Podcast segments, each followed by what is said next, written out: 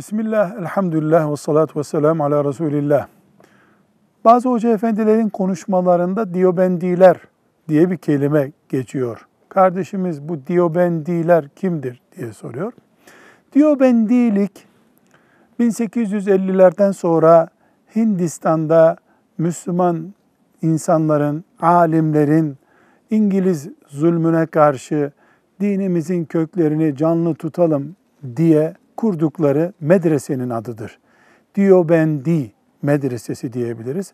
Oradan pek çok alimler yetişmiştir. Mesela çok iyi bildiğimiz Nedvi, Keşmiri, Azami, Habibur Rahman, Diyobendi medreselerinden yetişmişlerdir.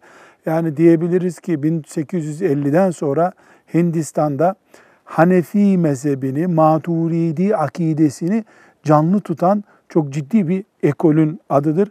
Allah Kur'anlarından ve yaşatanlarından razı olsun. Özellikle Arapçaya çok ağırlık veriyorlar. Oradan yetişen talebeleri, e, hoca efendileri bizzat görme imkanım oldu. Arap ülkelerindeki hocalardan daha iyi Arapça biliyorlar desem çok bir mübale olmaz zannediyorum. İslam'ın bir bütüncül olarak ele alınması konusunda hassasiyetleri var.